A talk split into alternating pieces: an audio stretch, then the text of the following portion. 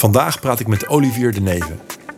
Olivier haalde op zijn 22e zijn master bedrijfskunde en ging aan de slag als marketingmanager. Al na een paar jaar kreeg hij het gevoel dat de sleur erin begon te komen en ging hij twijfelen of hij niet beter zijn passie voor muziek kon gaan volgen. Maar zou hij de zekerheid van een goed betaalde marketingbaan echt in gaan ruilen voor het instabiele bestaan als muzikant?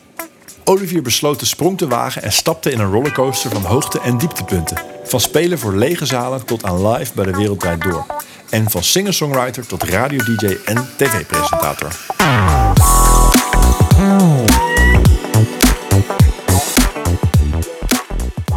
Superleuk dat je hier eh, vandaag eh, bent, dat je tijd voor werk, werk, werk wilt maken. Uh, voor de diepte induiken, zou je kort kunnen vertellen wie je bent en wat je doet? Ja, ik ben Olivier de Neve. Ik ben 35 jaar oud.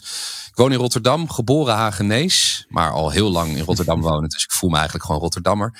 Ik uh, ben, ja, wat ben ik allemaal? Ik ben singer-songwriter, ik ben voice-over, ik ben radiopresentator, tv-presentator. Uh, muzikaal adviseur bij een muziekrechtenorganisatie. En uh, zo nog een aantal dingen. Cool. En, en uh, ik zag ook op jouw LinkedIn, heb ik even doorgescrolld van tevoren, heel diep weggestopt van heel vroeger. Uh, dat je ook nog hebt, ges hebt, hebt, geschreven voor een gameblad, Gamer. En als vertaler hebt gewerkt voor Electronic Arts, vond ik ook mooi. Dus ja. ik heb het vermoeden dat er ook ergens nog een beetje een diep weg, weggestopte gamer in jouw uh, nou, dat is niet eens gaat. Hoor. Ik ben nog steeds een enorme game nerd eigenlijk. Ik vind het hartstikke leuk. Dat is nu puur voor ontspanning. Ik vind het nu gewoon leuk ja. om te doen nog. Maar ja, ik vind het fantastisch. Uh, bepaalde games, ja, van Nintendo vooral. Daar ben ik het grootste fan van, Nintendo games. Ja, dat, is, dat vind ik nog steeds heel leuk. En ja, net als met Lego, weet je, wordt vaak gezegd van, oh, dat is toch voor kinderen. Maar tegenwoordig beginnen steeds meer mensen te zien van, nou, dat is voor volwassenen ook hartstikke leuk. Maar goed, het is nu ja. wel, het is niet meer voor werk dat ik het doe. Ik heb het vroeger echt, uh, ja, vanaf mijn dertiende of zo heb ik een eigen game website opgericht. En, uh, ja, vet dat was mijn, uh, dat was mijn scholierentijd eigenlijk, mijn school, middelbare schooltijd. Dat ik daar vooral mee bezig was buiten school. Lekker uh, cool. maken. Was dat, was dat je allereerste baantje ook? Ja, eigenlijk wel. Ik heb vroeger wel eens geprobeerd. Ja, dan zitten we meteen helemaal in die game nerd hoek. Dat is wel leuk. Ja, mooi. Dus mijn droom was op een gegeven moment om in een, in een gamewinkel te gaan werken. Zodat ik mensen dus die spellen kon verkopen.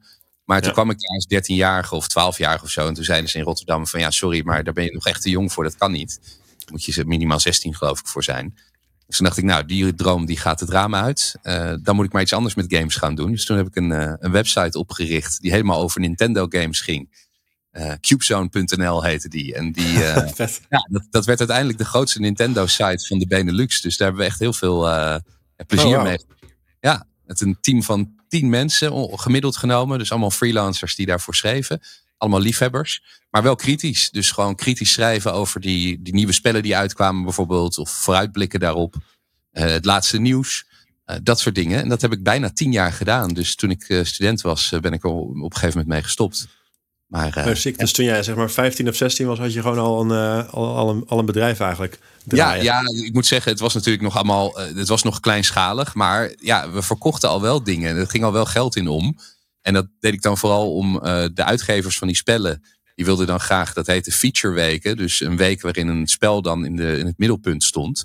Dat wilden ja. ze graag afnemen. Dat boden we aan, tegen betaling. En wat we dan deden is achtergrondverhalen over dat spel schrijven. Maar dan kwam de recensie aan het einde van de week over het nieuwe spel. En dat was ja. wel volledig journalistiek onafhankelijk. Dus daar zeiden we wel van. Ah, van ja, ze konden niet, uh, niet even betalen voor, uh, niet nee. even betalen voor, voor vijf sterren. Nee, daar heb ik ook wel eens ruzie over gehad. Want dan zei zo'n uitgever van je hebt het maar een, uh, een 7,5 gegeven, dit spel van ons. En ja, wij vinden het veel meer waard. En daar, waar, beta waar, betalen we nou eigenlijk voor? Ja, dat was dus niet voor een hoog cijfer. Dus dat was wel heel erg leuk. Ja. Nice, je was niet onkoopbaar. Nee, nee, ik niet en mijn redactieleden gelukkig ook niet. Nee. Vet. En uh, je, je zei net alle dingen die je nu doet zitten heel erg in de muziek en radio, tv. Uh, ja. Heb je er ook iets gestudeerd in die richting? Ja, nou eigenlijk totaal niet, maar het heeft me wel heel veel gebracht uh, wat ik heb gestudeerd. Ik heb namelijk bedrijfskunde gestudeerd in Rotterdam aan de Erasmus Universiteit. En um, ja, dan zou je zeggen, nou ja, als je dat hebt gestudeerd, wat heeft dat met muziek te maken? Maar het grappige is, daar zullen we het straks ook nog wel over hebben, denk ik.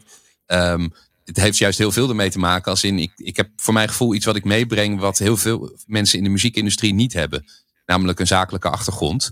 En als je muziek maakt, ja, is dat over het algemeen niet het eerste waar je aan denkt dat je dan bedrijfskundige bent. En dat heeft ja. toch wel voordelen. Kan ik je zeggen. Ja, ja. Nou, laten we daar inderdaad straks even wat dieper in duiken, want dat is denk ik wel uh, interessant. Um, maar wat ik, waar ik nu vooral eerst met je naartoe wil, is dat um, ik begreep, of ik zag ook op jouw cv dat je eigenlijk een tijdje ook als marketingmanager hebt gewerkt. Dus echt een baan in lijn met je opleiding in de bedrijfskunde. Ja. Um, en toen opeens is er iets veranderd en ben je een hele andere kant op gegaan. Ja. waarom? En, en kun je dat verhaal eens iets, iets meer toelichten? Ja, mijn uh, ouders waren natuurlijk ontzettend uh, blij dat ik gewoon een serieuze grote mensenbaan had. grote mensenbaan, ja. Ja, dus nee, ik had dus bedrijfskunde gestudeerd en dat ging eigenlijk best wel vlot. Ik was op mijn 22e was ik afgestudeerd en toen dacht ik, ja, dan ga ik maar uh, werken. Dus toen ben ik gaan werken in een bedrijf in het leegstaand vastgoed, ad hoc. En het, het, leuke was daar, ik, ik, had ook een, op dat moment iets lopen bij een grote multinational, maar daar had ik het gevoel van, oké, als ik dat ga doen dan ben ik een heel klein stipje in een hele grote organisatie.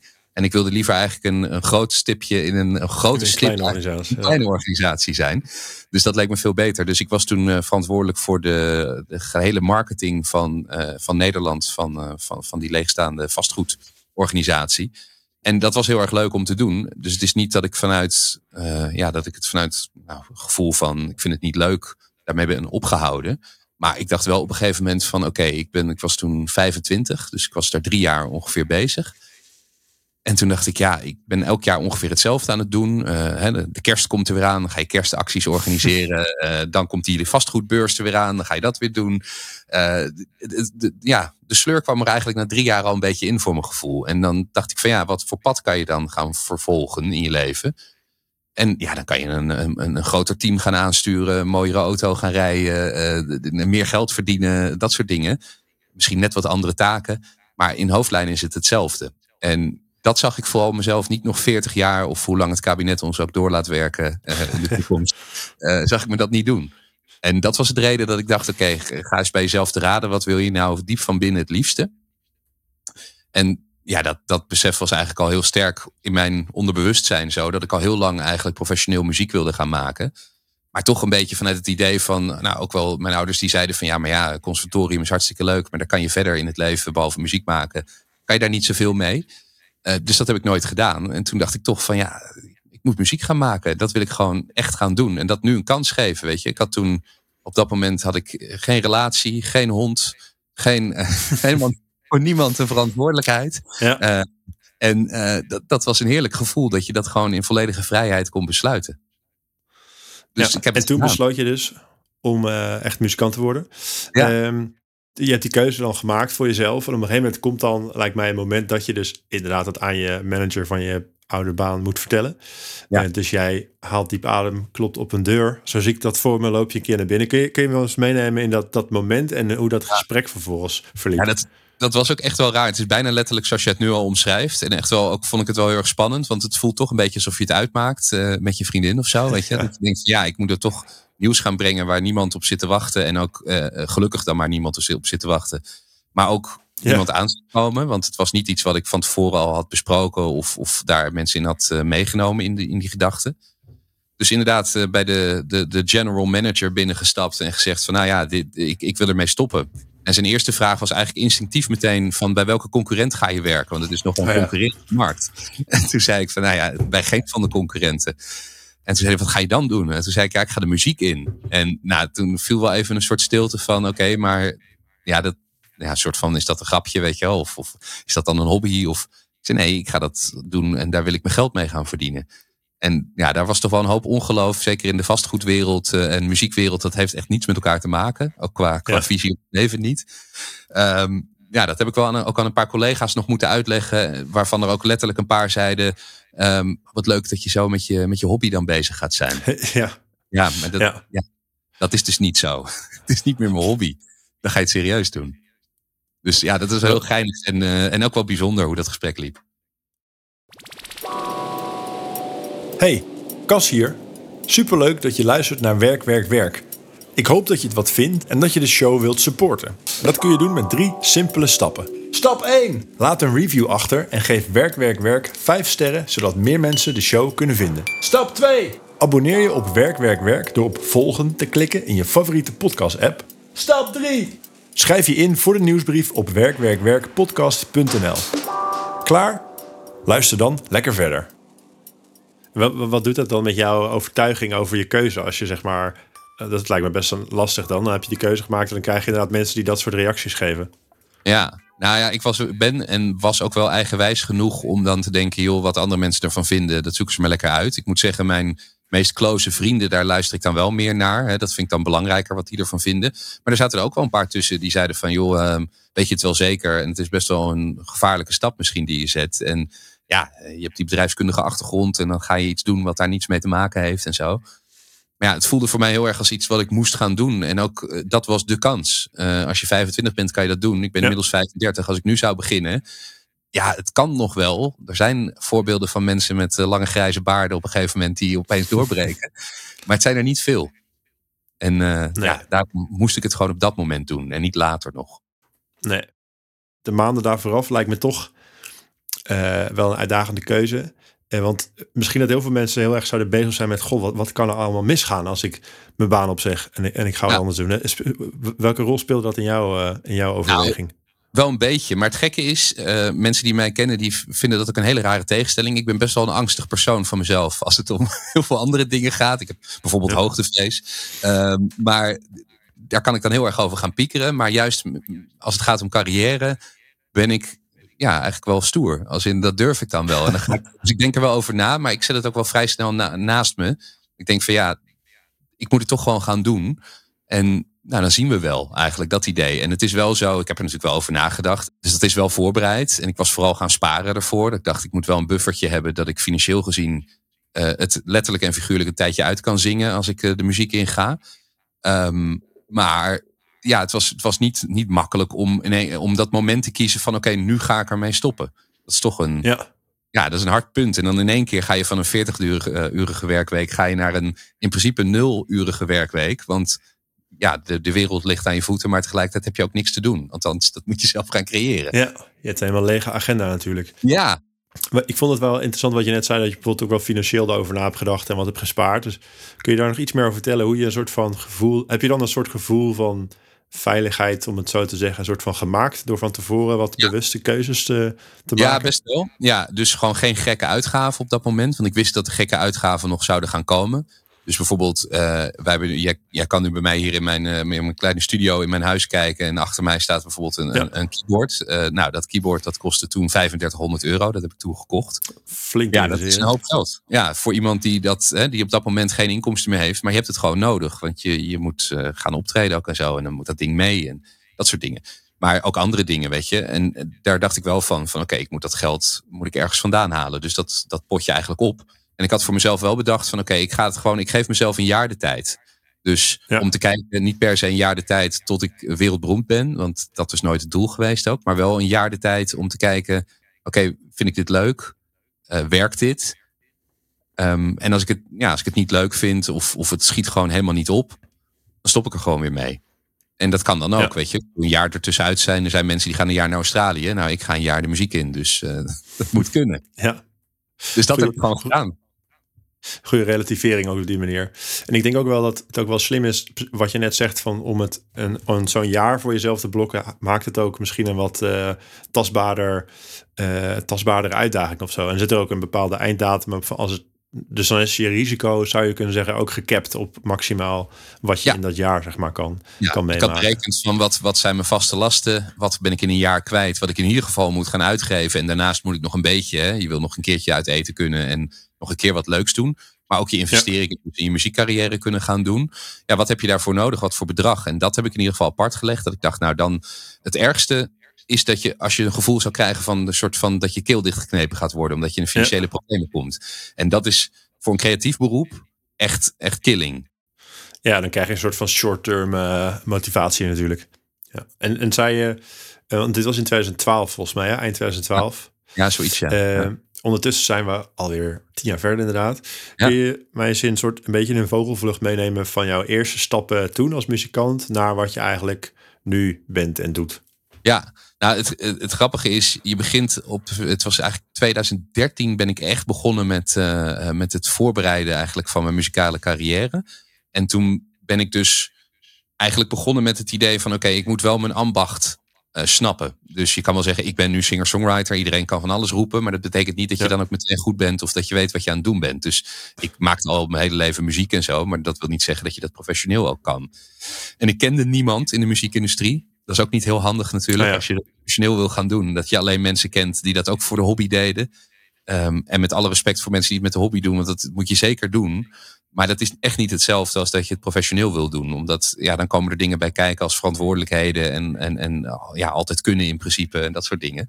Dat kan natuurlijk niet als je iets naast doet. Dus ik heb heel erg in het eerste, de eerste periode, ik denk het eerste jaar ongeveer, heb ik eerst gewerkt aan beter worden. Als songwriter vooral, als liedjeschrijver.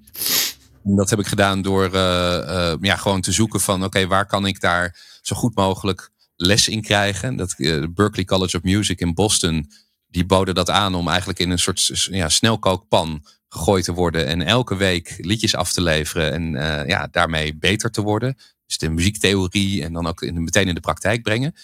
En uh, ja, dat was een hele nuttige periode. Maar ook de periode waarin ik dus muzikanten ben gaan zoeken. Want ja, ja je niemand. En je hebt in één keer dat je denkt, ja, ik moet een band gaan vormen. Want ik wil het niet in mijn eentje doen.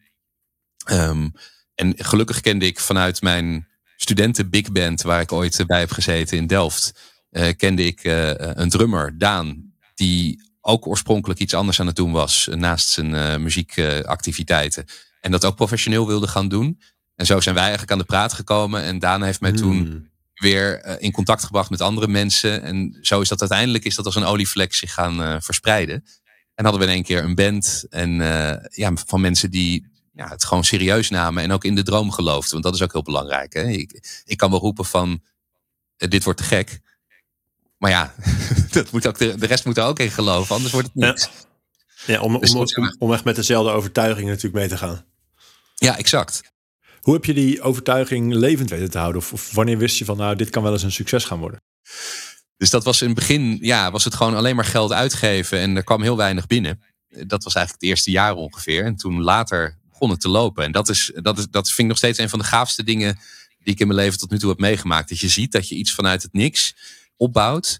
En dat heb ik ook wel eens vaker gehad, bijvoorbeeld met die website, maar eh, ook, ook in de muziek.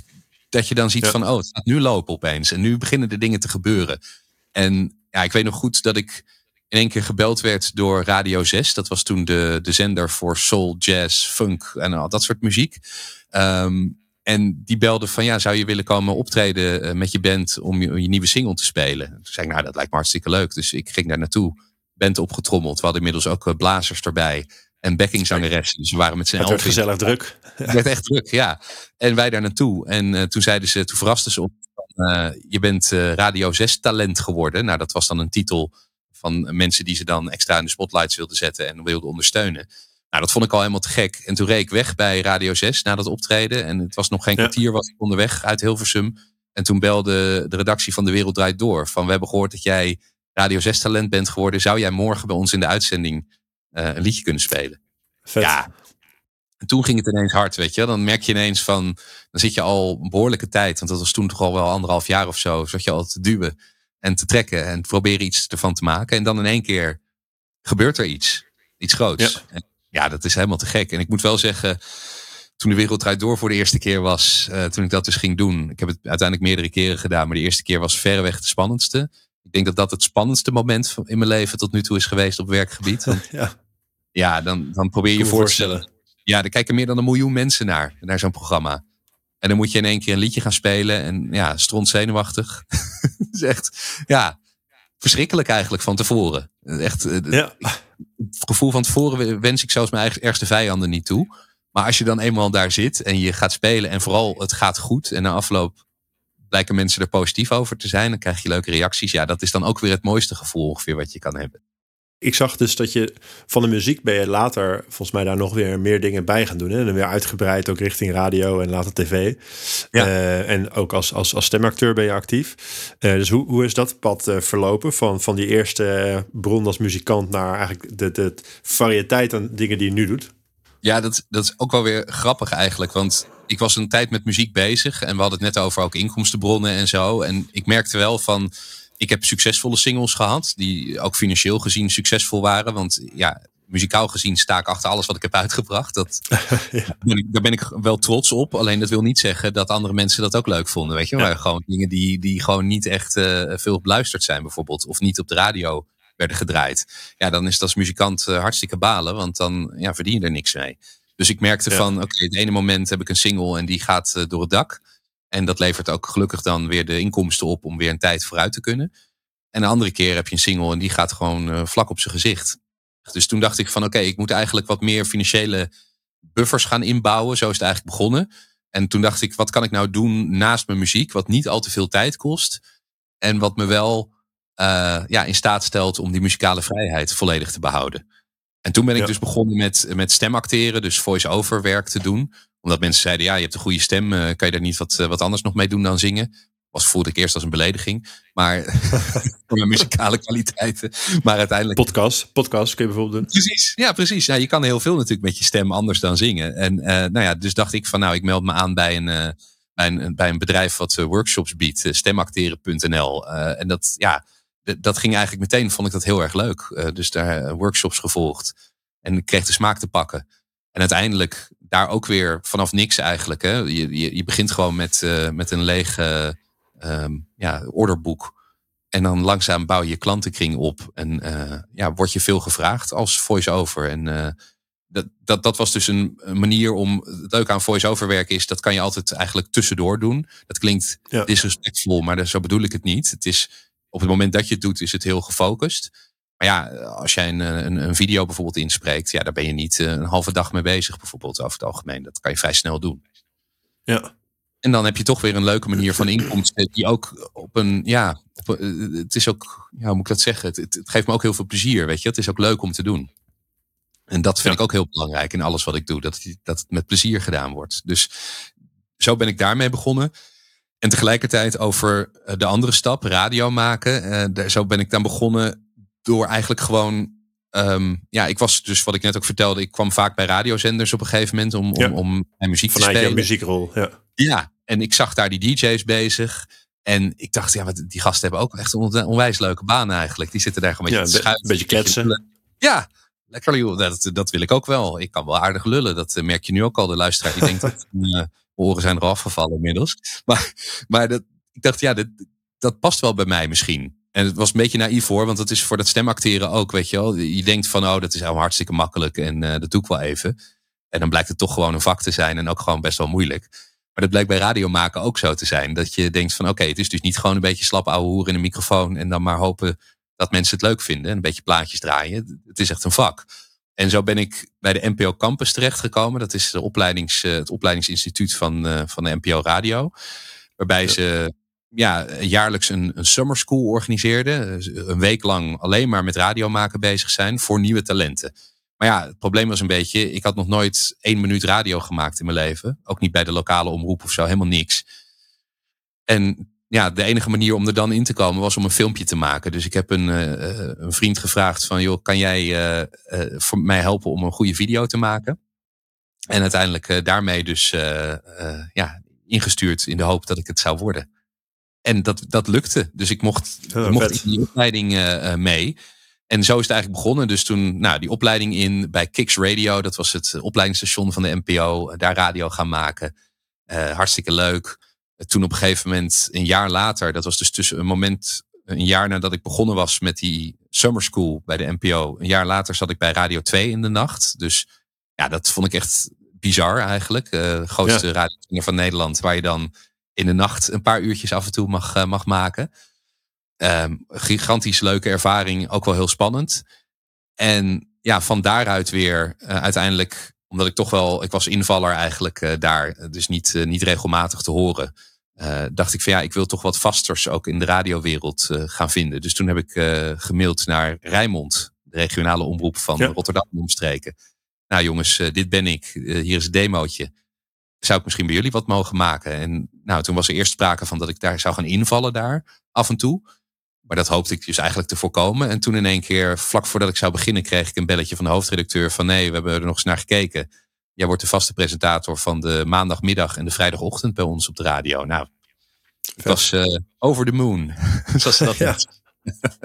dus dat was eigenlijk het echte begin van de radiocarrière, uh, zoals die uiteindelijk is gelopen, dat je in één keer ja, vast, vaste programma's had. Uh, die ook goed beluisterd waren. Dat is ook wel belangrijk. Dat je niet midden in de nacht zit. Maar gewoon een ochtendshow, ja. Wat ik wel opvallend vind en ook wel mooi om te zien is van al die stappen die jij gezet, zowel in toen je jezelf eigenlijk als singer-songwriter uh, je carrière begon, begon je eigenlijk met investeren in jezelf door die uh, Berklee College of Music opleiding te doen. Toen je besloot uh, voice acting te gaan doen, ging je ook een cursus doen. Radio ging je naar de summer school. Dus dat klinkt enerzijds en de, de, de dingen die je doet, kies je heel erg zelf voor. Dus het is niet zeg maar dat, dat je opeens op de radio bent en dan denkt, oh, dit is eigenlijk ook wel leuk. Maar het is echt andersom. En je investeert dan eerst in een soort opleiding voor jezelf. Is dat een, is dat een goede, vat ik dat goed samen? Ja, zeker. Nee, dat zeg je zeker goed. Ik denk dat, dat een opleiding volgen essentieel is om uiteindelijk er goed in te worden. En het nadeel van, daarvan is, al die dingen die ik dus heb gedaan tot nu toe, is dat je, dat je dus wel elke keer weer op nul begint. Tussen aanhalingstekens. Ja. Dus het is heel leuk om steeds nieuwe dingen te doen. Maar je moet er wel re realiseren dat je dan niet meteen boven in de boom zit. Ten opzichte van mensen die al tien jaar hetzelfde doen, bijvoorbeeld. Ja, ja je doet dus best wel een investering in tijd en soms misschien ook in geld. Want sommige natuurlijk van die opleidingen moet je ook nog wat voor betalen. Absoluut. En hoe, hoe bouw je dan voor jezelf, voordat je dat gaat doen, al de overtuiging van dit is wat ik wil? Zo, en dat is dan natuurlijk wel belangrijk dat je heel bewust kiest van ik, ik wil muzikant worden of ik wil uh, stemacteur worden. Nou, het grappige is daarmee dat je gewoon eigenlijk hoef je dus niet uh, jezelf al meteen helemaal gek te maken dat dat de rest van je leven is. En dat is misschien de instelling waardoor ik doe wat ik doe en daar niet zo gespannen van raak of zo, of zo, zo bang voor ben. Omdat ik ook denk van ja, maar ik kan dit gewoon gaan proberen. En als ik het niet leuk vind of het werkt niet, of ik ben erop uitgekeken, dan stop ik er gewoon weer mee.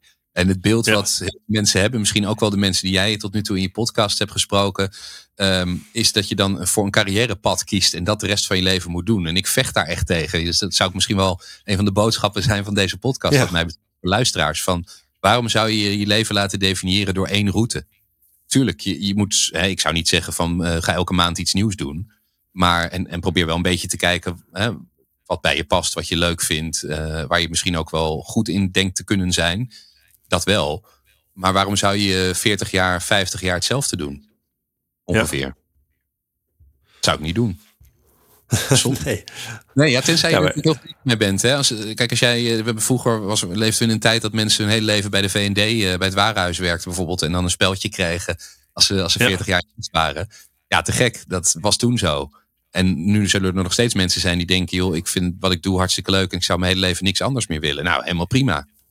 Lekker doen. Alleen ja, voor mij is dat een schrikbeeld bijna. ja, ja, het is natuurlijk meer ook uh, dat je daar expliciet voor kiest. Dat is in ieder geval wat je, wat je wil bereiken, toch? Dus als jij het prettig vindt om ergens heel lang te werken en je kiest daarvoor, moet je dat doen. Maar je wil misschien voorkomen dat je dat doet omdat dat nou eenmaal een soort van van je verwacht wordt of zo, terwijl je het eigenlijk niet zo leuk vindt. Ja, en vooral omdat mensen het vaak van zichzelf verwachten. Want het is A, natuurlijk de omgeving om, om hen heen. Maar het is ook vooral jezelf eigenlijk. Waar je dan een bepaalde verwachting dat je naar richting jezelf hebt van... oh, ik moet dit doen of ik kan nu niet meer iets anders doen. En ik heb nog steeds best wel vaak mensen die mij aanspreken in, in, mijn, in mijn omgeving. Dat ze zeggen van ja, maar jij hebt toen dat en dat gedaan. En ik weet gewoon eigenlijk niet wat ik graag wil doen. En dan ben ik een beetje jaloers op dat jij dat wel hebt, zegt ze dan tegen mij. En dan denk ik, ja, dat, dat is inderdaad waar. Uh, als in, daar heb ik dan mazzel mee, dat ik wel wist wat ik wilde. Maar je zit niet vast. Je zit nooit vast in je leven. En ik zou mezelf zeker niet, uh, als, ik, als ik jou was, zeg maar, laten vastketenen door je, door je werk. Zo van, oh, ik kan nooit meer wat anders doen, want ik doe nu eenmaal dit. Ja. Onzin. Ja, dat maakt natuurlijk het, het, keuze, het keuzerisico of zo, of je risicoperceptie veel kleiner als je al weet van dit is weer iets wat ik misschien wel tijdelijk ga doen. Of als ik het niet zo leuk vind, stop ik er weer mee. Exact. Dan wordt het een veel minder zware keuze natuurlijk ook. Exact. En, dat is ook volgens mij, tuurlijk, je investeert in iets en je gaat niet investeren als je denkt, ik ga er wel weer mee stoppen zo meteen, dan moet je dat niet doen. Nee. Maar inderdaad, probeer niet te ver te kijken en probeer, probeer vooral te denken, joh, als je, als je tien jaar doet of vijf jaar, dat is toch ook prima. Ja. En dat is, dan, dan kan je ook makkelijk weer uit. Dan ga je weer wat anders doen. Of val je terug op wat je al in het verleden hebt gedaan. Dat kan natuurlijk ook. Ja, ja dat is denk ik wel een, een mooi, mooi, advies. En, en als je dat als je dat vertaalt op jouw keuze, je eerste keuze om, om als muzikant aan de slag te gaan.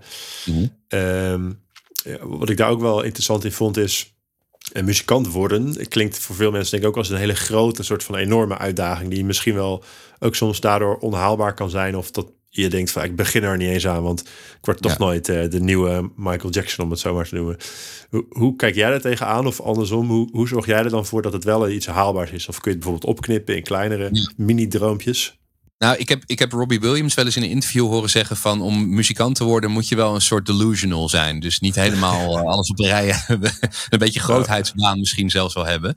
Uh, om, om, dat, om dat te willen proberen. Want kennelijk denk je zelf van, nou, uh, misschien kan ik wel de nieuwe Michael Jackson worden. En dat is misschien een beetje exact. overdreven. Althans, in 99 van de 100 gevallen, of wat zeg ik? In, uh, nou, ja, eigenlijk ja. 99,9999% van de gevallen heb je, heb, is dat volledig kansloos eigenlijk. Of blijkt dat achteraf zo te zijn. Dus ja, daar moet je, dat moet je wel een beetje met je meedragen natuurlijk. Dat je enige uh, ambitie hebt. En misschien enige overdreven ambitie om dat te willen doen. Dat, dat geloof ik wel. Maar tegelijkertijd, um, als jij er niet in gelooft, dan gaat niemand erin geloven. En dat denk ik wel dat je jezelf ook moet voorhouden. Van motiveer jezelf. Als je dit echt wil, dan moet je ervoor gaan. En er gaan heel veel tegenslagen komen. Want dat heb ik ook gehad. Weet je, ik vertel natuurlijk nu uh, mooie verhalen over de hoogtepunten. Maar zoals ik ook wel een beetje al aanstipte, er zijn ook minder leuke dingen aan. Weet je, als je voor, voor weinig staat te spelen en vooral als je, nou ja, we hebben in, de, in onze band-appgroep hebben we een foto nog steeds staan uh, van een uh, kerstmarkt in Bussum. En dat is denk ik inmiddels, uh, dat is inmiddels denk ik iets van zeven jaar geleden of zo dat we daar gespeeld hebben. En daar stond letterlijk geen hond. Zelfs niet eens een hond. Dus er was gewoon helemaal niemand. En stonden we in de vrieskou te spelen voor nou, een habbekrats. Ja, het was verschrikkelijk. Tenminste, het optreden zelf was verschrikkelijk. We vonden het nog wel leuk, want we hebben er met elkaar plezier ja, het was een soort van grappig van de, van de, van de droevigheid. Ja, maar die, die profielfoto hebben we dus bewust zo laten staan met het idee van, ja, kijk, daar zijn we ongeveer begonnen. En uiteindelijk ja. Uh, ja, is het gelukkig beter gegaan. Maar dat is niet alleen maar leuk, weet je. En dat moet je ook accepteren. Van, je maakt een keuze en ja, dat, dat doel ga je voor. Maar dat is geen uh, smooth road daar naartoe. Nee. Het geplaveid allemaal voor je. Nee. En, en heb je dan... Um dus je zegt eigenlijk enerzijds, ja, je moet een beetje geloven in je grote, in je grote droom. Had je nog andere strategieën om, om je kans van slagen zo groot mogelijk te maken?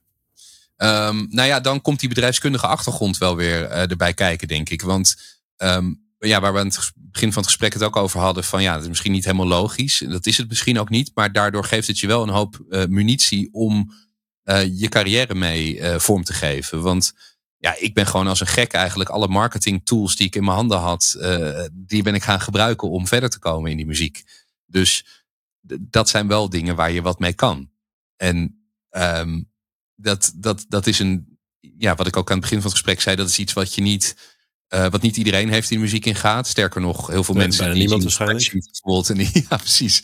Ja, het is schrikkelijk dood. Ja, ja, ja, en dat, dat is iets, daar heb ik geprobeerd mijn, juist mijn kwaliteit van te maken. En natuurlijk, uh, uiteindelijk gaat het om dat je gewoon uh, goed kan zingen of mooi kan spelen of goede liedjes schrijft. Want als dat niet om aan te horen is, dan, dan, ja. dan wordt het niks. Dat is natuurlijk logisch. Alleen als dat in ieder geval oké is, dan kan je je onderscheiden door, oké, ga je bepaalde acties verzinnen, ga je bepaalde dingen doen om, om jezelf in de kijker te spelen. Ja, en dan komt het marketingmanagerschap toch wel weer erg goed van pas. Dus ik heb echt wel een hoop dingen geprobeerd wat dat betreft. Uh, mensen lastig gevallen qua mail en telefoon en dergelijke. Um, misschien wel een leuk verhaal daarover. Ik heb mijn eerste single, die um, wilde ik heel graag in Spotify playlist krijgen. Maar dat, ja, dat praten we dus over een jaar of zeven geleden ongeveer. En dat, dat lukte niet, althans niet direct. Want je bent een beginnende artiest. Maar dat was nog in de tijd dat je dus ook makkelijk contact kon leggen uh, met mensen die die playlisten samenstelden. Althans, makkelijk. Ja. Uh, ik wist wie erachter zaten. Dus uiteindelijk ik heb, heb wel eens gehoord dat in Nederland maar heel weinig mensen zijn, toch? Of dat het een zo'n ja. mevrouw was die heel, voor heel belangrijke playlists verantwoordelijk was. Ja, klopt. Ja, dat noemen ze curators uh, van die playlisten. En die bepalen dan een ja. beetje wie erin komt. En ja, ik dacht op een gegeven moment gewoon van ja, dat lukt niet. Een mailtje sturen, dat, daar kreeg ik geen reactie op. Dus heb ik op een gegeven moment gewoon naar een van die playlist samenstellers... heb ik gewoon het bedrijf gebeld waar die, uh, waar die werkte. En uh, gezegd, ja, ik uh, mail even, of ik bel eventjes, want ik bel eigenlijk diegene terug, weet je wel. Nou, dat was helemaal niet zo. Diegene had mij nooit gebeld, maar gewoon toch even proberen. en uh, ik ben doorgevonden naar diegene en ik kreeg diegene aan de lijn. En ik zei, ja, dit en dit is het verhaal. Ik had je al gemaild, ik had je mailadres geraden. Want ja, weet ik veel, dus ik had ook vijf mailadressen gebruikt. Waarvan er dan één hoop combinatie voor- en achternaam. En diegene die zei, joh, ik vind het zo leuk dat je belt. Je bent de eerste ooit die, die mij heeft gebeld met dit verzoek ja, ik vind het liedje eigenlijk ook wel heel erg leuk. Nou, ik zet hem op de playlist. En ja, dat is dan toch een beetje lef hebben en een beetje proberen. En een beetje sleuren ook. en, ja, een beetje hosselen. Ja, ja en, en dan uiteindelijk ja, vond ik dat echt te gek dat dat dan gelukt was. Um, en dat is dan een beetje onconventioneel. En ja, je moet natuurlijk nooit mensen echt gaan lastigvallen of zo. Maar ja, dit vond ik nog wel kunnen. Ja, ja, tuurlijk. Ja, en het is ook, je hebt dus een goede manier gevonden eigenlijk om jouw kennis en, en jouw achtergrond als, als marketeer, wat misschien een beetje een soort van, je inderdaad kan zeggen, een beetje gek dat je dan muzikant wordt, om dat om te draaien juist naar een soort kracht. Dat is jouw soort van unique selling point misschien juist wel geworden in je muzikale carrière. Ja. hoe, hoe, hoe ziet nu jouw werk laten we zeggen, jouw werk week eruit qua de mix tussen muziek en radio en misschien nog andere zaken die je nu allemaal combineert? Ja, muziek is op dit moment wel, dat vind ik ook heel jammer. Het is wel een beetje ondergeschoven kindje geworden door de verplichtingen die er verder allemaal nu zijn. En dat vind ik ook allemaal hele leuke verplichtingen. Maar dat maakt wel dat er minder tijd voor muziek is gekomen. Uh, maar er gaat zeker weer nieuwe muziek uitkomen. Dus dat is mijn doel voor uh, eh, 2023, om weer nieuwe muziek uh, uit te gaan brengen. Vet. maar ik denk dat het grootste deel van mijn werk zit nu wel in mediawerk. En dat is dan voor verschillende opdrachtgevers. Dus ik werk voor Rijmond als radio- en tv-presentator. Maar ik werk ook bijvoorbeeld voor Sublime. Uh, de funk, soul en jazz uh, zender. Daar ben ik uh, radio DJ en ik um, werk nog af en toe voor Omroep West, de regionale omroep van Den Haag en omstreken. Dus zo heb je daar allerlei verschillende opdrachtgevers die je af en toe inzetten tot vaak inzetten. Um, en daarnaast inderdaad voice-over opdrachten. Um, en ik doe dan nog veel werk voor het bestuur van BAM Pop Auteurs. Dat is een organisatie die voor de belangen van muzikanten opkomt. Dat vind ik een belangrijke taak. En daar ben ik dan penningmeester. Daar komt ook weer die bedrijfskundige achtergrond goed van pas. Ja. Uh, en ik werk nog voor muziekrechtenorganisatie Sena. Dus die gaan over het verdelen van het geld. Wat, uh, wat je krijgt als je bijvoorbeeld op de radio gedraaid wordt als muzikant. Dat dat ook daadwerkelijk bij die muzikant of bij die producent van muziek terechtkomt. Daar help ik ook nog als adviseur bij. Dus uh, zo van alles te doen. En ja, die verdeling is echt per week wel verschillend. Ik kan me heel moeilijk zeggen van oh, zoveel procent is het. De ene week zit ik uh, vier radioshows bijvoorbeeld te maken, of vijf. Volle week in te vallen voor iemand die met vakantie is, bijvoorbeeld. Oh ja. En dan ben ik daar volledig of bijna volledig mee bezig. En de andere moment is het weer heel erg gemixt. Dat je van alles een beetje doet. En ja, het is vooral moeilijk qua agenda. De pieken, zeg maar, dat er heel veel dingen tegelijk spelen. Dat zijn de momenten dat ik een beetje overuren moet draaien om het allemaal uh, te redden. En andere momenten kan je dat weer heel dedicated doen. Dat je gewoon zegt, oké, dit is mijn radioweek bijvoorbeeld. Of uh, hier ga ik ja. uh, deze ga ik vooral hier of hier mee op focussen. En, en als je het nou uh, zo baken opgeteld naar kijkt, ook financieel gezien. Je had natuurlijk tien jaar geleden gewoon een vaste baan en een salaris. Nou, toen ging je de onzekerheid in van muzikanten geld bij elkaar sprokkelen. Nu heb je weer, klinkt als een hele mix aan, aan inkomens uh, hoe zeg je dat, uh, tools. Um, kun je een, een, inschatting geven wat je nu ongeveer verdient aan, in jouw rol als ja, een beetje, een beetje manus van alles, zal ik maar zeggen, ja, in de mediawereld? Ja. Ja, ik denk dat ik nu ongeveer 2,5 keer modaal uh, verdien uh, per jaar. Uh, dus, en dat gaat ook elk jaar beter. Dus dat vind ik vooral het allerleukste. Dat je ja. gewoon toch met je, met je accountant weer even gaat zitten. En dan kijkt van oké, okay, wat is er afgelopen jaar aan omzet gemaakt? En wat hou ik eraan over? En dan gaat het gewoon steeds een stukje beter. En dat, is, ja, dat vind ja. ik heel motiverend. Dat vind ik heel leuk. En ik ben niet, ja. misschien een beetje, want we hebben het ook veel over geld gehad. Maar ik ben eigenlijk primair niet door geld gedreven. Maar ik vind het wel leuk als een soort van. Um, ja, als een soort score tracking of zo. Ja, ja, ja, ja is wel een beetje toch? Ja. ja, het is gewoon leuk om te zien van oké, okay, het gaat steeds beter. Ik kan steeds beter mijn verschillende uh, activiteiten uh, te gelden maken op zo'n manier dat ik er ja, en voor betaald krijg en het nog steeds leuk vind. Maar dat vind ik nog steeds ja. het belangrijkste. Weet je wel, eh, geld is wel belangrijk natuurlijk, want ik moet wel mijn huur kunnen betalen en zo. Maar de grootste luxe vind ik nu dat ik eigenlijk alleen maar dingen doe die ik gewoon hartstikke leuk vind. Dat is ja. het allermooiste. Ja, nee, ik vind het wel, als je met uh, 2,5 keer modaal, is natuurlijk gewoon een heel mooi salaris. Dat is wel tof dat dat lukt met, met doen wat je gewoon wil doen. Dus dat is alleen nog maar ja. een extra aanmoediging, denk ik, voor iedereen om dat voorbeeld te volgen. En, eh, maar als je dan zegt, ik, ik doe nu eh, alleen wat ik nog leuk vind. Je, je doet wel, klinkt alsof je nu wel relatief weinig muziek dan in de, in de mix hebt zitten. Ja. Uh, dus hoe verhoudt dat zich tot dat je dan nu zegt van ik doe nu alleen maar de dingen die ik leuk vind? Nou ja, kijk, het, het grappige is, al die andere dingen, die vind ik ook heel erg leuk. Dus kijk, muziek uh, is gewoon een passie die nog heel veel naar voren komt. Dus ik ga bijvoorbeeld nog steeds uh, bijna wekelijks naar zangles. Weet je wel. Ik vind het ook belangrijk als we het over opleiding hebben. om die stem ook nog steeds te blijven verbeteren. Dus er zijn nog steeds momenten dat ik bij zangles denk van wauw, dit kon ik een paar maanden geleden niet. Wat cool dat ik dit nu kan. Uh, ja, of dat het nu geklikt heeft in mijn hoofd. Dat ik weet, oh, deze techniek kan ik nu gebruiken of zo. Of, of zo moet dat. Is nog steeds leuk. Uh, ik hou ontzettend van muziek. Als radiomaker draai je ook veel muziek. Ik ben elke week weer ben ik alle nieuwe muzieklijstjes aan het doorspitten. Dus dan maak je niet zelf muziek op zo'n moment. Maar ben je wel heel erg met muziek bezig. Dus ja, muziek is een, is een onlosmakelijk onderdeel van mijn leven. Wat ik denk ik ook nooit meer kwijt geraken. Die passie voor muziek. Alleen in welke vorm? Uh, ja, ik, ik hoop nog heel veel muziek ook te kunnen gaan maken. En ook weer het podium eh, veel op te kunnen. Maar dat is toch een beetje door coronatijd minder geworden. Ja, dat is, echt ook wel logisch. Ja. Om, om nog een iets beter beeld te krijgen, nog concreter van, van wat nou jouw, jouw uh, werk en, en leven op dit moment allemaal behelst, uh, was ik benieuwd of je ons misschien mee kan nemen door een dag uh, in jouw agenda. Um, om gewoon eens even heel concreet ja, te zien wat je nou doet van, van uur tot uur. Ja. Ja, ja, dat is een goeie. Nou, laten we eens, uh, bijvoorbeeld uh, afgelopen week had ik een dag, uh, heb ik, um, dat noemde ik dan even een Rijnmond dagje eigenlijk. Heb ik voor de regionale omroep dus van alles gedaan. En het was wel een, een, bijzondere dag, want ik begin dan de dag. Uh, ik ben geen ochtendmens, dus ik maak wel eens een ochtendshow. Dan moet ik heel vroeg mijn bed uit. Echte muzikanten. ja, precies, ja.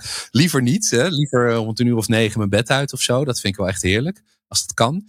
Um, en dat heb ik dus ook op die, die vrijdag waar ik het over heb uh, gedaan. Negen uur eruit. En dan uh, ga ik eerst even sporten. Dat doe ik bijna altijd op vrijdag.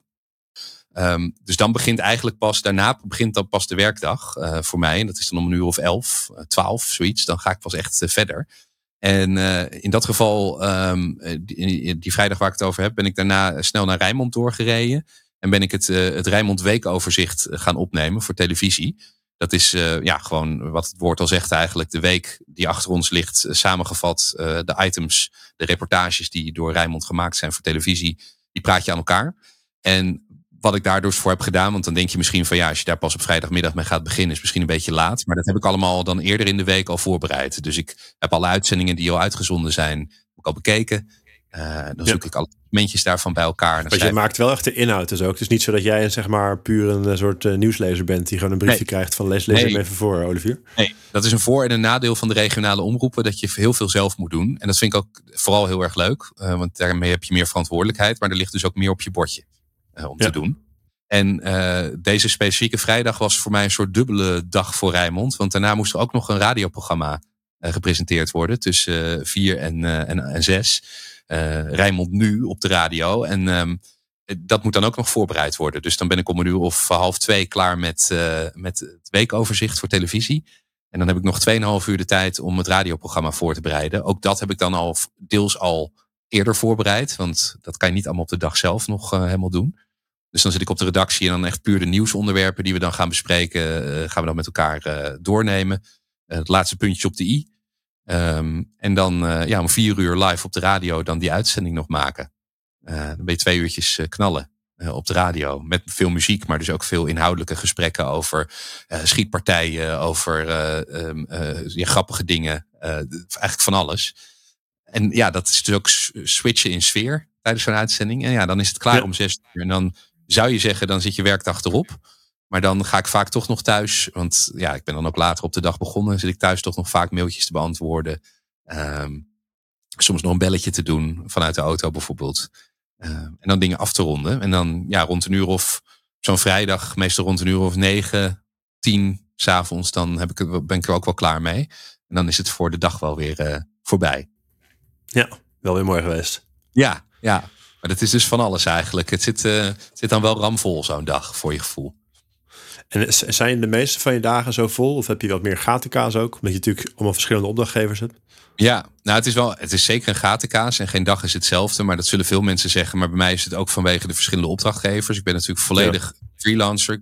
Maar het betekent ook inderdaad dat uh, ja, de ene dag. Uh, ik heb wel eens dat ik dan denk, nou, op maandagmiddag heb ik een uurtje over.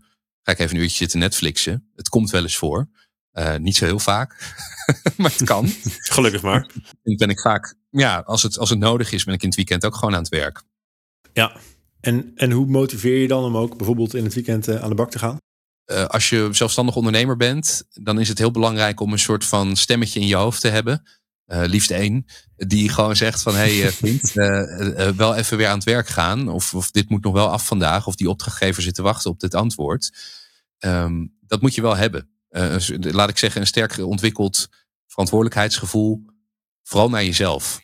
En, ja, ja, je hebt natuurlijk geen, geen baas die op een gegeven moment boos wordt of zegt van Olivier, uh, schiet even op. Nee, nee, precies. En dat maakt dus dat je vooral streng tegen jezelf moet zijn. En soms ben ik daar te streng in. Het is ook nog steeds een zoektocht voor mij, als ik heel eerlijk ben, dat ik het soms moeilijk vind, omdat ik denk, oh, nu ben ik wel heel streng voor mezelf. Nu moet ik wel heel hard doorwerken van mezelf. En een ander moment denk ik weer, nou, nu zit ik een Netflix-serie op maandagmiddag te kijken. Kan dat wel eigenlijk? Ja, misschien... voel je misschien een beetje schuldig erover. Ja, dat ook, ja. vinden mensen, dat iedereen denkt altijd lastig. Exact, ja. En, en wat zijn nou, want je kan me voorstellen dat jouw dagen dan ook best wel anders zijn vanwege andere klussen. Maar wat is nou typisch een dag of, of wat voor dagen vind je echt het allerleukst? Waarvan je bij spreken het liefst alleen maar van dat soort dagen zou hebben? Nou, de, de leukste dagen zijn de dagen dat eigenlijk alles soepel gaat. dat is, dat, en, dat, en dat zit hem dan vooral fijn. Ja, precies. Nou, dat je, dat je dus veel verschillende dingen op zo'n dag hebt, dat vind ik wel echt kicken. Dus als je um, een dag hebt waarin er uh, s'morgens bijvoorbeeld uh, wat dingen ingesproken worden. Daarna ga je naar de redactie om een, een radioprogramma of een televisieprogramma te maken. En dan doe je s'avonds nog bijvoorbeeld, ben je nog bezig om wat werk voor het bestuur waar je in zit te doen. Of, of voor de muziekrechtenorganisatie, dat soort dingen. En dat, het leuke is, dat valt dan ook allemaal wel te combineren. Kijk, als je fysiek ergens aanwezig moet zijn, daar zijn dingen natuurlijk waar je dat voor moet zijn. Bijvoorbeeld voor een radio- of tv-uitzending kan je moeilijk zeggen dat doe ik vanuit huis. Dus dat doe je dan vanuit de plek waar je dat moet doen. Maar er zijn heel veel andere dingen. Die kun je eigenlijk als een soort eh, digitale nomade, kun je dat overal doen. Ja, dan ga ik niet naar Costa Rica of zo daarvoor. Dan blijf ik gewoon in Rotterdam. maar het, het, het, gevoel is in principe hetzelfde. Je kan het op elk moment van de dag doen. Uh, als het maar niet te lang blijft liggen natuurlijk, dat wel. Maar verder is dat uh, oké. Okay. En dat, daar krijg ik een onwijze kick van. Als alles gewoon lekker loopt en je het gevoel hebt van... Ja, ik heb al mijn zaakjes voor vandaag weer op orde. Ja, dat, dat, uh, dat zijn de ideale dagen. Met dus veel afwisseling. En, en als ze de vraag omdraaien, dus er moet toch ook af en toe wel eens toch een dag bij zitten waar je denkt van nou, dit was wat minder leuk. Of, of activiteiten binnen dit werk. Kun je daar ook iets over vertellen? Nou, het ergste vind ik, ik hou dus niet van stilzitten. Ik heb volgens mij geen ADHD, maar ik vind het wel vreselijk om, om op een kantoor bijvoorbeeld of een, uh, of een redactie de hele dag eigenlijk te zitten. Ja. Uh, dat zijn de dagen waar ik dan voel ik mijn energie een beetje um, wegstromen. En dat is een heel gek gevoel, want dan ben je helemaal niet hard aan het werk. Maar juist omdat je niet hard aan het werk bent misschien en omdat je dan een beetje zit te wachten op dingen of dingen niet, niet helemaal lopen. Dat zijn de momenten dat ik me dan waardeloos ga voelen en, en weinig energie daar nog aan overhoud. Dus je moet mij altijd wel een beetje bezig. Ik moet mezelf bezig kunnen houden. Al is het maar door gewoon te gaan hangen. Dat is ook een vorm van bezig zijn eigenlijk. Maar dan juist door actief te ontspannen.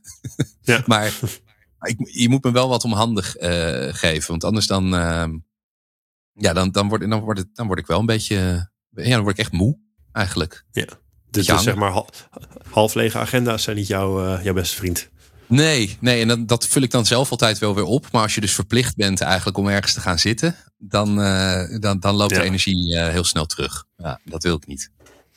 En als je nou um, even terugkijkt, het is nu ongeveer tien jaar geleden dat jij uh, origineel jouw marketingbaan opzette, opzegde. De Olivier uit, uit 2012. Uh, wat, wat had die gezegd op dat moment als we hadden gevraagd van... Uh, goh, over tien jaar, waar, waar, wat is je doel? Waar sta je dan? Ja, dat is een goede vraag, ja. Nou, ik denk dat als je me dat in 2012 had gevraagd... dat ik toen had gezegd uh, van dan ben ik een heel succesvolle singer-songwriter... die daar fulltime mee bezig is. Ja. en ja, dat zou ik denk ik toen gezegd hebben, ja. En, en dan mijn vraag is natuurlijk logisch hierop volgend. Is dat gelukt? Nou, ik denk, hè, de realiteit is nu anders dan wat je toen als doel had. En vooral dacht ik van ja, maar is dat dan... Hoe kijk jij daarnaar? Ja, ik vind het dus helemaal niet erg. Kijk, het voelt voor mij als. Precies. Ik heb, heb echt de gekke dingen al uh, in de muziek bereikt tot nu toe. Uh, en weet je wel, nogmaals, ik ben geen uh, super bekende artiest geworden in Nederland. Maar ik heb wel dingen bereikt waarvan ik denk, ja, dat zijn geen toevalstreffers gebleken, omdat ze in een geheel van dingen zijn. En dat, dat is gewoon te gek, weet je, dat dat, dat, dat gelukt is.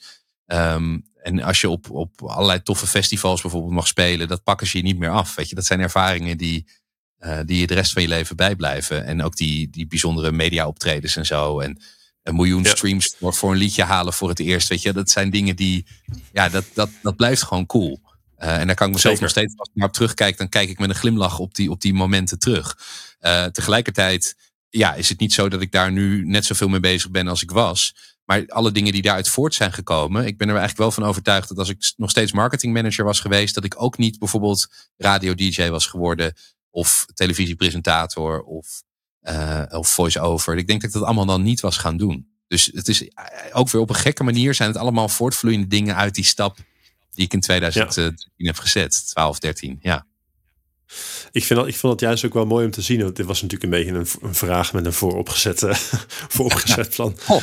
Ehm, maar inderdaad, juist om te zien van het feit dat je een bepaald doel stelt en dat misschien wel uh, ook niet haalt, is natuurlijk helemaal niet zo erg. Omdat je, je ontwikkelt je tijdens het proces in dat, in dat doel. En misschien wordt dat doel weer wat anders. Ja. Misschien is het bijna wel andersom. Dat het een van de weinige zekerheden als je een doel stelt over tien jaar is dat je het niet haalt. Uh, alleen het, het, feit dat je een doel stelt en de, die afslag neemt, zeg maar, die kant op gaat, dat gaat je nieuwe, nieuwe, ehm, nieuwe kansen of, of in ieder geval een nieuwe richting inbrengen. Absoluut. En dat is natuurlijk wel wat je 100% bereikt hebt. Ja, ja dat, dat ben ik met je eens. Ik, ik denk dat uiteindelijk gaat het ja, bij mij dus in een carrière om zoveel mogelijk plezier erin hebben. En hoe je dat precies doet ja, ik durf ook niet te zeggen dat als de Olivier uit 2022, 2023 over tien jaar weer uh, iets, iets kan zeggen tegen die Olivier, dat ik dan nog steeds deze dingen aan het doen ben. Het zou best kunnen dat dat dan weer wat anders is. Of dat er weer vanuit wat ik nu doe weer iets anders gevloeid is. Ik, ik, zou het echt, echt niet weten. En dat vind ik juist heel gaaf. Dat ik het niet ja, weet. Het sluit ook wel goed aan natuurlijk bij jouw filosofie van uh, dat je niet dingen wil doen voor per se de rest van je leven. Dat nee. het wat meer uh, dynamisch is. Ja, tuurlijk. En, als je die Olivier van 2012 met de kennis van nu uh, nog iets van advies mee zou kunnen geven. Uh, heb je daar wel eens over nagedacht? Of wat, wat, wat, denk je? Of wat had je bijvoorbeeld in, heb je in de tussentijd geleerd wat je eigenlijk liefst al eerder had geleerd? Nou, ik, ik, ik denk een hoop dingen hoor. Uh, want je, ik, ik heb wel het gevoel dat je zo in die tien jaar, zeker tussen je 25ste en je 35ste, dat is best wel een, een, een vormende fase toch wel. Um, ik denk dat ik soms uh, de Olivier uit 2012, 13, die wilde heel graag. En die straalde ook heel erg uit vaak dat hij dat wilde. En dat vergelijk ik soms een beetje met zo dat je in een kroeg inloopt en je bent op zoek naar een, een, leuke vrouw of zo. En dan met een gele post-it op je voorhoofd binnenkomt van ja, ik, zoek, dat. Ja, en dat werkt niet. Want dan zien mensen van hé, hey, die willen te graag eigenlijk. En ik denk dat uh, deels is dat fake it till you make it natuurlijk. Dat je gewoon eigenlijk uh, moet doen van nou, ik ben helemaal niet naar op zoek. Nee hoor, kan mij het schelen. Weet je, die, die houding. En die had ik toen. Beetje...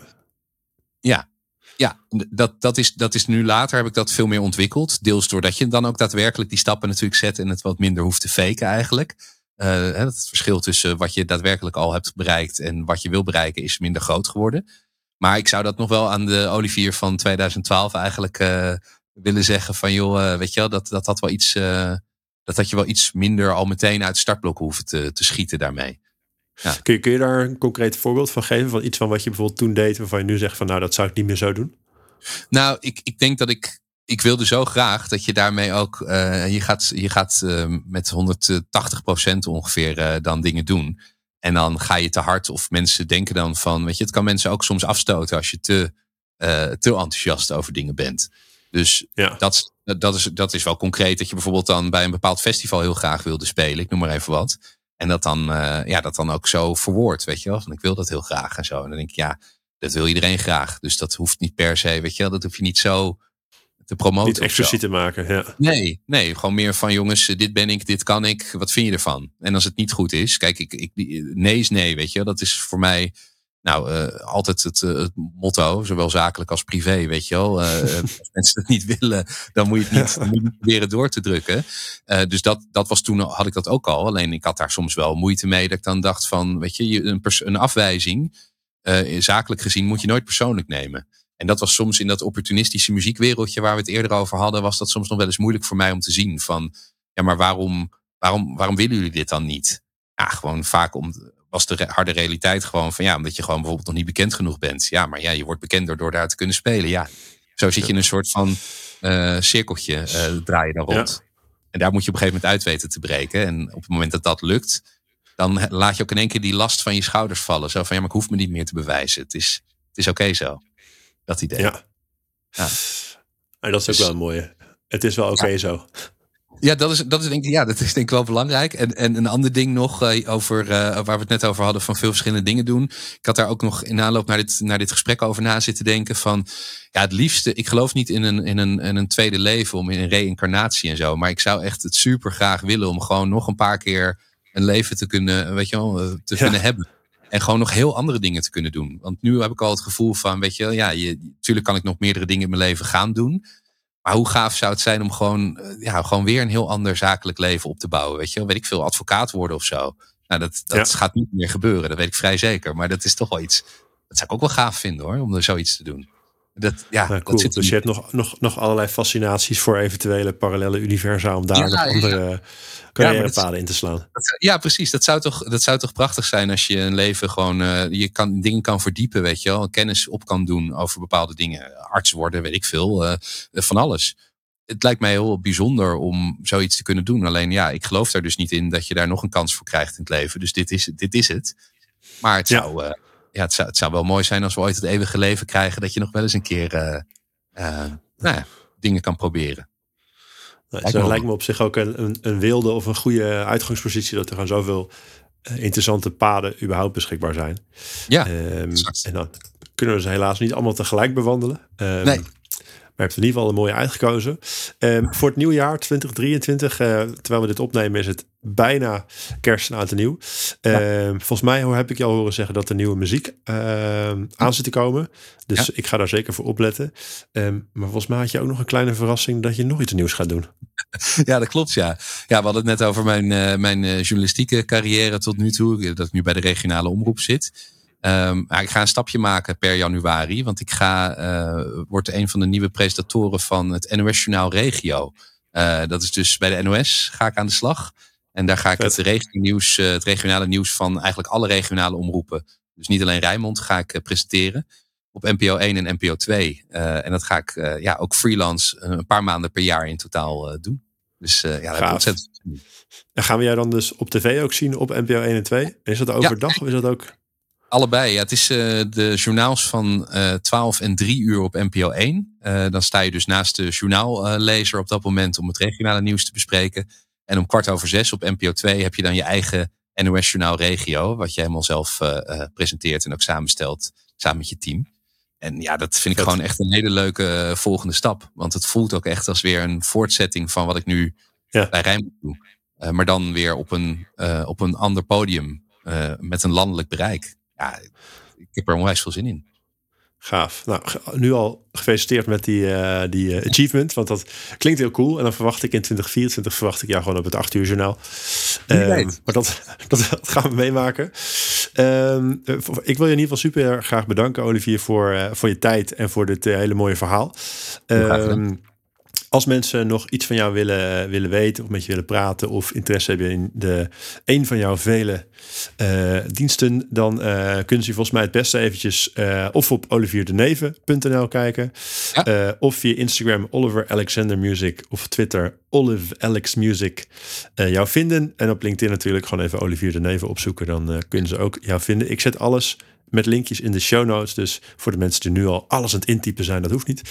um, en dan uh, ja, wil ik je graag een fantastische kerst- en nieuwjaar wensen. En heel veel geluk in het, uh, in het nieuwe jaar.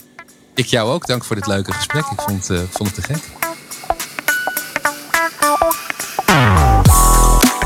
Bedankt voor het luisteren naar deze aflevering van Werk, Werk, Werk. De podcast over het werkende leven.